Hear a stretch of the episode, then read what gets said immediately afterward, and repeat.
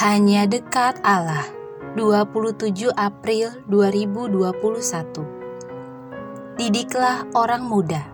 Amsal 22 ayat 5 hingga 11. Dalam ayat 5 dinyatakan, duri dan perangkap ada di jalan orang yang serong hatinya. Siapa ingin memelihara diri, menjauhi orang itu. Amsal ini memperlihatkan bahwa perangkap dan jebakan melekat erat dalam kehidupan orang yang curang.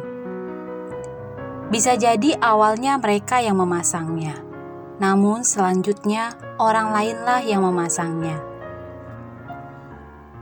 Kadang sebaliknya yang terjadi, karena merasa dicurangi, tak sedikit orang yang merasa percuma hidup benar dan jujur, dan akhirnya melakukan tindakan yang sama dalam Alkitab BMK tertera, perangkap dan jebakan terdapat pada jalan orang curang. Jauhilah semua itu jika engkau ingin selamat. Oleh karena itu, penulis kitab Amsal menasihatkan, Didiklah orang muda menurut jalan yang patut baginya, maka pada masa tuanya pun ia tidak akan menyimpang daripada jalan itu. Amsal ini memperlihatkan dengan jelas bahwa pendidikan merupakan keniscayaan. Kemudahan mengandaikan kepolosan belum tercemar dan karena itu lebih mudah diisi. Pengisian nilai-nilai kehidupan menjadi langkah strategis karena itulah yang menjadi modal hidup mereka selanjutnya.